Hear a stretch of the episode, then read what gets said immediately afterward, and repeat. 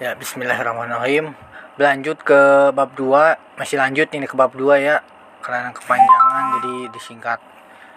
Yaitu Madinah. Jadi kepindahan Nabi dari Makkah disebut hijrah yang berarti imigrasi. Ini menjadi titik balik sejarah Islam awal dan sekarang digunakan sebagai permulaan kalender Islam. Komunitas muslim dan tak lagi menjadi kelompok kepinggiran dari Nabi Muhammad juga tidak disasingkan secara sosial. Komunitas muslim akan mengubah Madinah menjadi negara muslim pertama serangkaian teladan dari Nabi selama 10 tahun di Madinah akan menginspirasi ratusan tahun kehidupan politik, tatanan sosial dan ekonomi muslim.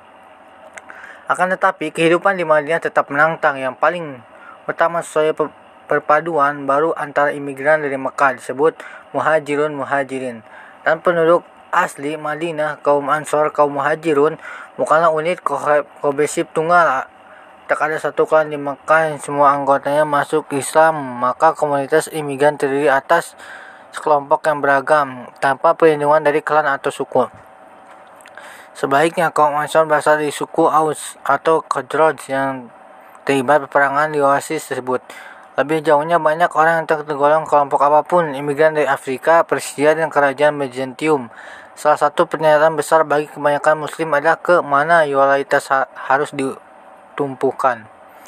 Untuk itu Nabi Muhammad SAW menjelaskan bahwa gagasan tua para Islam so so soal kesetiaan sudah usang sebagai gantinya diajukan arti penting kesetiaan kepada umat negara muslim. Dalam pengenalan Nabi Muhammad SAW tidak peduli apakah seorang muslim asal dari Quraisy, Aus, Khazraj atau bahkan suku Yahudi. Begitu memeluk Islam, mereka menjadi sebagai komunitas persaudaraan baru yang berdasarkan keyakinan bersama bukan keturunan.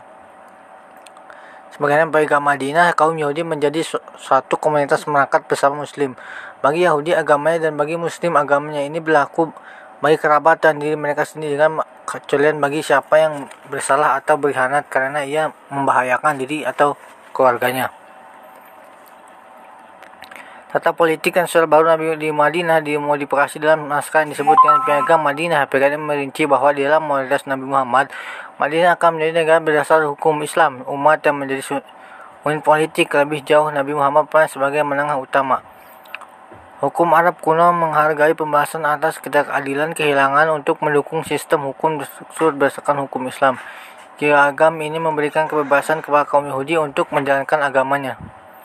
Tetapi mereka terus mengakui otoritas politik Nabi Muhammad SAW. Di kota ini ada bergabung dengan kelompok pertahanan bersama bila ada serangan di Quraisy.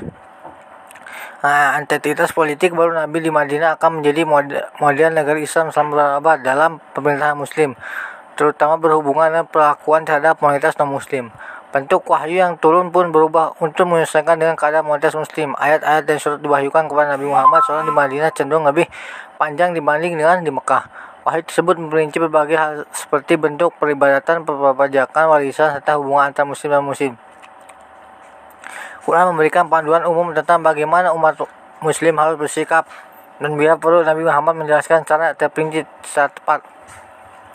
Kata akal dan tindak Nabi dikenal sebagai hadis menjadi sumber penting petunjuk hukum setelah wahyu Tuhan tetapi Quran tidak hanya menyoroti aspek hukum dan tata nasional banyak ayat Madinah menerangkan kisah-kisah Nabi terdahulu cerita tentang Nuh, Ibrahim, Musa, Daud dan Isa semuanya diterangkan secara detail karena Pengikut Nabi sesungguhnya menjelaskan bahwa Nabi Muhammad adalah Nabi terakhir dari serangkaian panjang Nabi sebelumnya dan pesan dibawakan tak berbeda dari yang lain. Banyak dari tersebut ditujukan kepada kaum Yahudi di Madinah di permukaan mereka memiliki banyak kesamaan kaum muslimin kedua kaum ini sama-sama anut monoteisme daerah yang mengembangkan politisme keduanya menghormati nabi nabi yang sama dan pada awal kenabian keduanya beribadah menghadapi Yerusalem. Nah, akibatnya beberapa orang Yahudi di Madinah menerima Muhammad sebagai nabi dan masuk Islam. Kitab, Yahudi, kitab suci Yahudi berbicara tentang Mesiah dan bagi mereka Nabi Muhammad SAW konsep dijanjikan tetapi lebih banyak yang menolak Yudaisme itu unik dalam hal kepercayaan dan yang terikat pada konsep umat terpilih. Pesan tentang kesamaan persatuan seluruh umat Islam tanpa memperhatikan internisme berbenturan dengan beberapa gagasan utama keyakinan Yahudi. Sebagian orang mungkin meyakini kenabian Muhammad, tetapi kenyataan bahwa ia bukan seorang Yahudi menjadi problematik bagi mereka yang menganut teologi Yahudi yang tegas. Perpecahan antara kaum umumnya meyakini ini sebagai dipilih oleh Tuhan dan kaum muslimnya mendukung persatuan umat manusia akan menimbulkan ketegangan terus di kelompok ini. Penangan zaman Nabi yaitu hijrahnya Nabi ke Madinah. Berarti selesainya konflik dengan Quraisy, kaum Muhajir masih merasakan kepedihan atas pelakuan saudara sukunya dan kaum Ansar berani menghukum siapa pun yang menindas saudara baru mereka dalam Islam. Tapi kaum muslim belum mendapatkan izin dari Nabi untuk memerangi Quraisy. Tentu saja peperangan merupakan kegiatan yang serius terutama semenanjung Arab. Tepat peraturan rumit mengenai kehormatan pembelasan telah berlaku selama berabad-abad lebih jauh.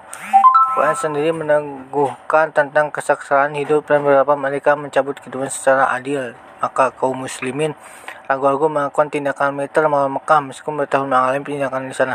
Akan tetapi keadaan itu segera berubah pada masa Nabi Muhammad SAW di Madinah. Ia mengabarkan kepada para pengikutnya wahyu yang baru turun dari Tuhan yang menyatakan diizinkan berperang bagi sebagaimana ay ayatnya Quran Al-Hajj ayat 23 diizinkan berperang bagi orang-orang yang berper diperangi karena sungguhnya mereka dijolimi dan sungguhnya Allah Maha Kuasa menolong mereka itu yaitu orang-orang yang diusir dari kampung halaman tanpa alasan yang benar hanya karena mereka berkata Tuhan kami Allah. Wahyu ini baru ini menegaskan bahwa pengikut Nabi Muhammad SAW perang telah diizinkan bahkan wajib saat muslim telah ditindas ayat itu juga menandai aspek penting tentang para peran Islam dunia. Agama ini bukan sekedar semangat keyakinan tentang yang gaib, melainkan juga panduan hidup lengkap yang membahas semua dari ritual ibadah. Hubungan luar negeri sampai teori seperti mereka lakukan dengan perintah lain dalam Quran. Kaum muslim di Madinah berani menunjukkan sumbangasih mereka dan mengikuti perintah baru ini. Kesepakatan kedua pada 624 masih kaum muslimin menggerakkan pasukan kecil sekitar 300 orang untuk mencegat kafilah Quraisy yang sedang melintasi Madinah. Pasukan muslim tak mampu mencapai rombongan kafilah tetapi malah bertemu dengan kekuatan Quraisy yang jauh lebih besar yang dikirim untuk melindungi kafilah tersebut di perang Badar. Berjarak sekitar 100 km barat dari Madinah, pasukan muslim mendapatkan kesempatan untuk kali pertama melawan bekas penyelesaian secara fisik.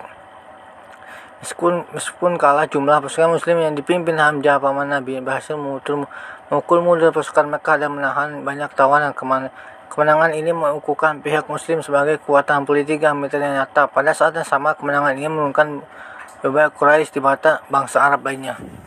Orang-orang Kristen tentu tak mau membiarkan kalian melakukan ini tak terlebaskan. Tahun berikutnya pasukan Mekah dalam jumlah yang jauh lebih besar dikumpulkan. Tujuannya mengganggu Madinah sehingga dapat menemukan pamor Nabi Muhammad dan memicu pertanyaan tentang kemauan dalam melindungi pengikutnya. Pesan tersebut berkemas seperti kilometer di utara kota Madinah di bawah bayang-bayang gunung Uhud menyesankan. Di sana mereka merusak lahan pertanian desa sekitar Madinah sebagai bagian dari bagian pegang Madinah Nabi Muhammad telah bersumpah untuk melindungi kota dan isinya sehingga terpaksa mengorganisasikan pasukan untuk keluar dari menghadapi ketentuan Mekah. Akan tetapi ada sekelompok orang di dalam kota yang Menantang rencana ini, mereka percaya bahwa cara terbaik adalah meninggalkan lahan pertanian untuk menjaga diri dan tetapi mempertahankan pasukan dalam kota mereka didukung oleh dua suku Yahudi di kota Madinah yang menolak pergi ke Uhud untuk memerangi kekuatan yang lebih besar. Akhirnya Nabi Muhammad bergerak menuju Uhud dengan jumlah pasukan yang lebih kecil daripada pikirannya.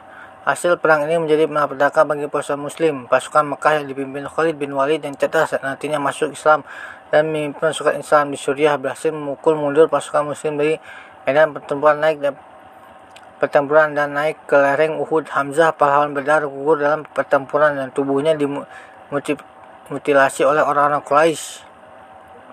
Nabi Muhammad sendiri bersama sekelompok kecil dan terang muslim sempat dikepung pasukan Mekah dan terluka dalam terbuka yang terjadi pasukan Quraisy yang telah mengalahkan pasukan muslim dan merasa yakin sudah berhasil merusak pasukan Nabi Muhammad mundur mundur kembali ke Mekah.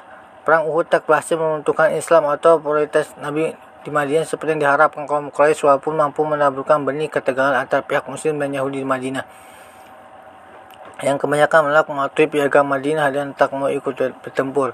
Tampak jelas bahwa baik muslim maupun Quraisy tak ada mampu saling mengalahkan dengan meyakinkan di medan pertempuran.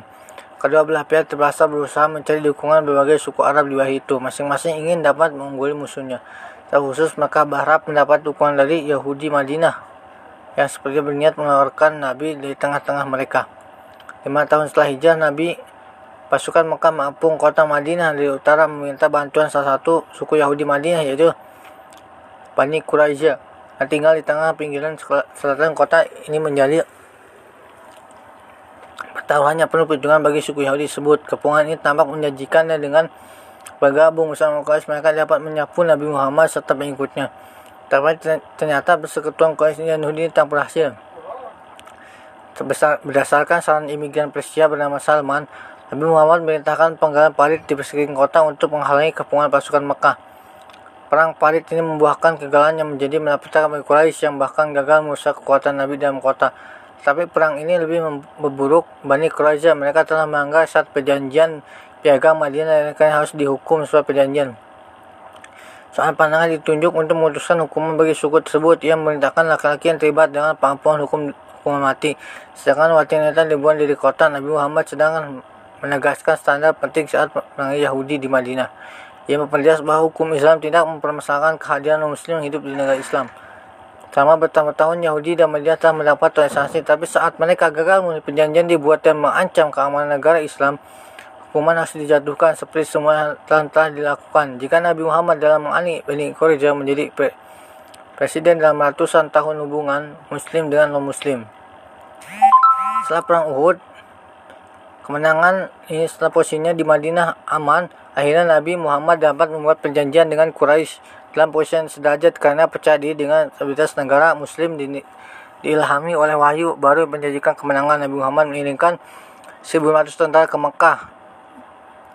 Pada 662 Masehi. Tujuan pasukan ini bukan untuk berperang, mereka mengenakan dua potong kain untuk berhaji dan hanya membawa pedang.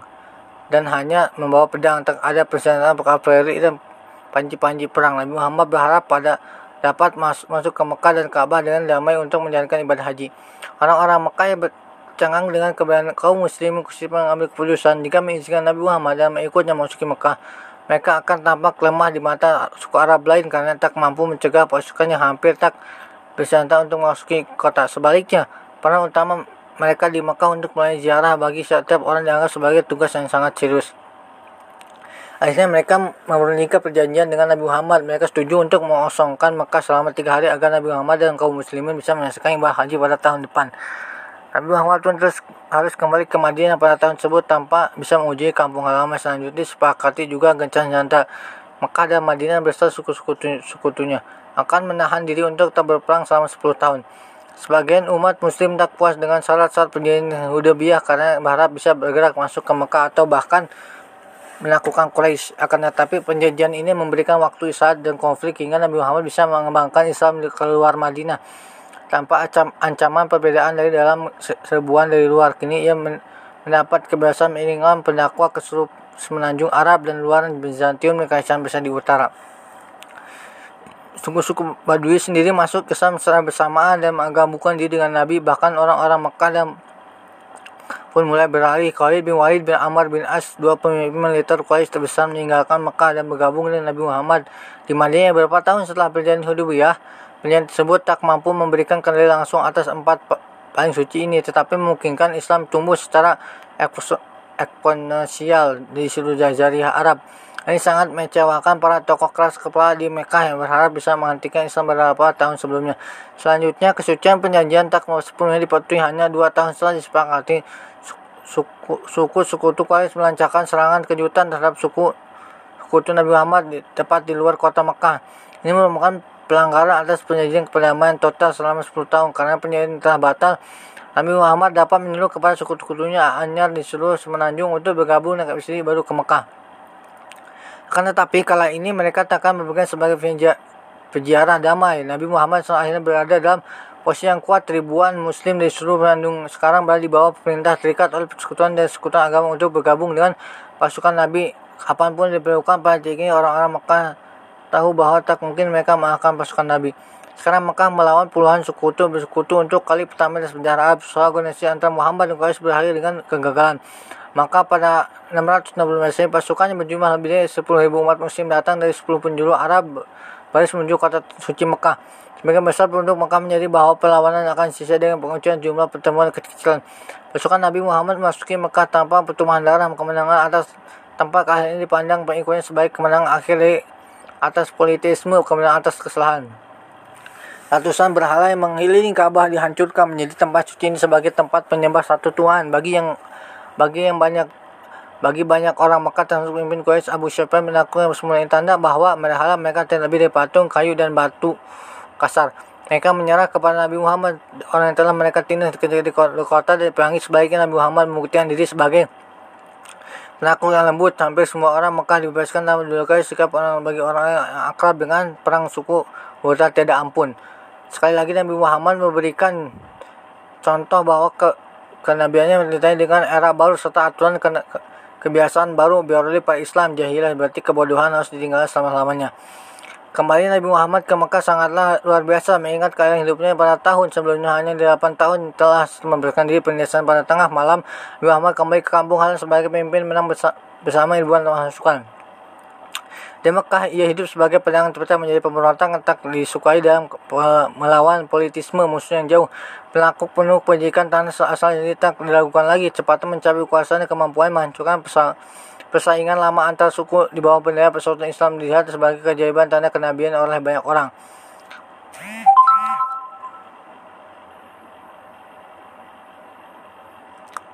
Kaum muslimin pada zaman itu termasuk yang menderita pada awal-awal tahun penindasan di Mekah dan yang baru masuk Islam setelah penaklukan Mekah. Jadi yakin bahwa ada istimewa tentang Islam di mata mereka Islam dibimbing di Tuhan dan mereka mendapat visi khusus untuk menyebarkan agama ini ke seluruh dunia. Pola pikir ini akan mengimainkan peran bersih dalam cara kaum muslimin memandang dini yang di panggung dunia ada banyak sejarahnya.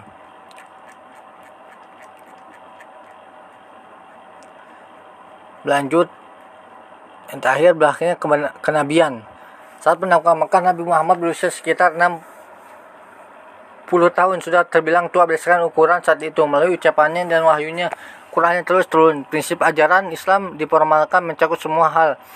Diusahakan meningkatkan perintah ibadah hingga petunjuk bagi pemerintah Islam. Sebuah internasional baru telah disibak dengan meninggalkan kesukuan dan menuju nasionalisme kesatuan Islam di bawah hukuman ilahi. Nabi Muhammad SAW menyusunnya dalam khutbah terakhir dan menyatakan dan sesungguhnya nenek moyang kalian pun satu kalian berasal dari Adam dan Adam berasal dari tanah.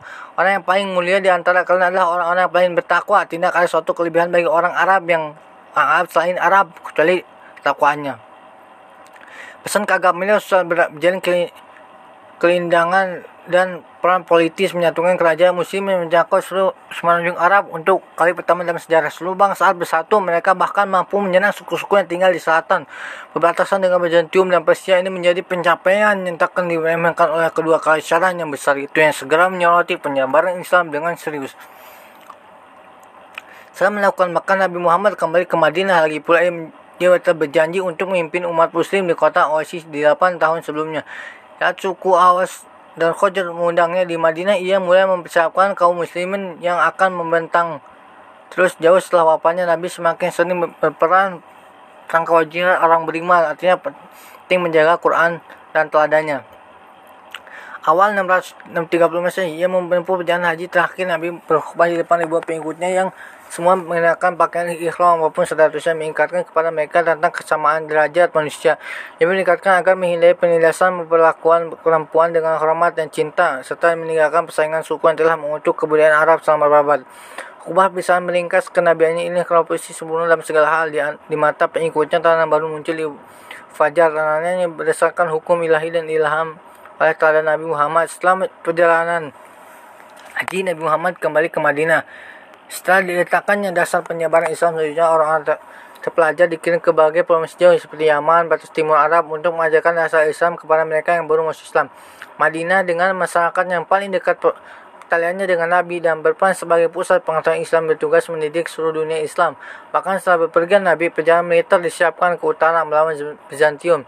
Ketika perang Islam yang akan memandu pasukan Islam bertahun-tahun ditegaskan kembali menurut keyakinan Islam Nabi Muhammad SAW berperan sebagai utusan Tuhan menyampaikan kata Tuhan dalam Al-Quran dan bertindak sebagai teladan bagi semua kaum muslimin setelah 23 tahun bertindak sebagai Nabi Allah misinya pun selesai. Quran telah dipinisialisasi dan dicatat dalam benar kulit, daun dan tulang.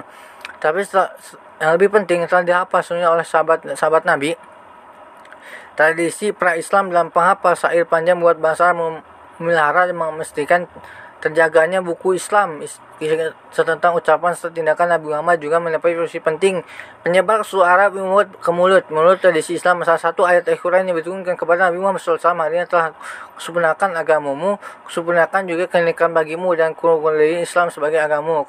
Surah Al-Maidah ayat 5 Nabi Muhammad SAW jatuh sakit pada awal musim panas namun masih ia merasakan sakit kepala dan demam yang membuatnya lemah kemudian tak mampu menjalan tanpa bantuan sepunya Ali dan sepamannya Abbas tetap mampu mengalami sholat di masjid yang menunjuk sahabat dekatnya Abu Bakar untuk menjadi imam. Ia menghabiskan hari itu di rumah istrinya. Aisyah putri Abu Bakar balik keliling rumah yang menempel di masjid. Ia bisa mengamati umat yang ikutnya untuk sholat apa pun. Ia tak hadir, tak dilakukan lagi. Ini saat-saat emosional bagi pengikutnya yang telah Misalnya bagi pengikutnya yang telah bersama Nabi melalui hari di sudut Mekah perang kejam melawan Quraisy saat menegak kuasanya menangan tanpa pertumbuhan darah yang melakukan Mekah. Mereka telah menjadikan Nabi Muhammad sebagai sumber petunjuk kepemimpinan dalam segala bidang kehidupan Nabi semakin sering berbicara tentang kematian dan kondisinya bahkan tak mampu bangun untuk memahami sholat sangat buat sedih umat Islam. Hari-hari terakhir ini dihabiskan di rumah dengan kepala dan penguat Aisyah anggota keluarga dan tepat dekat dengan menengok berharap bisa melihat tanda-tanda kepilihan kemungkinan mereka. Tapi satu aspek struktural Islam adalah monoteisme tanpa kompromi Nabi Muhammad SAW mengajarkan bahwa hanya Tuhan yang kekal yang masuk yang semua makhluk entah binatang manusia bahkan malaikat pun akan mengalami kematian menurut keyakinan Islam. Maka saat memisahkan dari atas wafat Nabi mereka menjadi Islam akan terus berlanjut sepeninggalnya. Pengikut Nabi Muhammad yang memiliki ikatan emosional sangat dalam dengan sosok yang telah menguatkan mereka dari era para Islam dan mereka perang suku yang mampu menyayangkan hidup tanpa Nabi pada tahun dengan kepala Nabi di pangkuan Aisyah yang para sahabat berkumpul di masjid sambil berharap mendengar pertunjukan pulih kembali era pertama sejarah Islam yang datang dalam 23 tahun masa kenabian pun ditutup saat Nabi Muhammad membus nafas terakhir.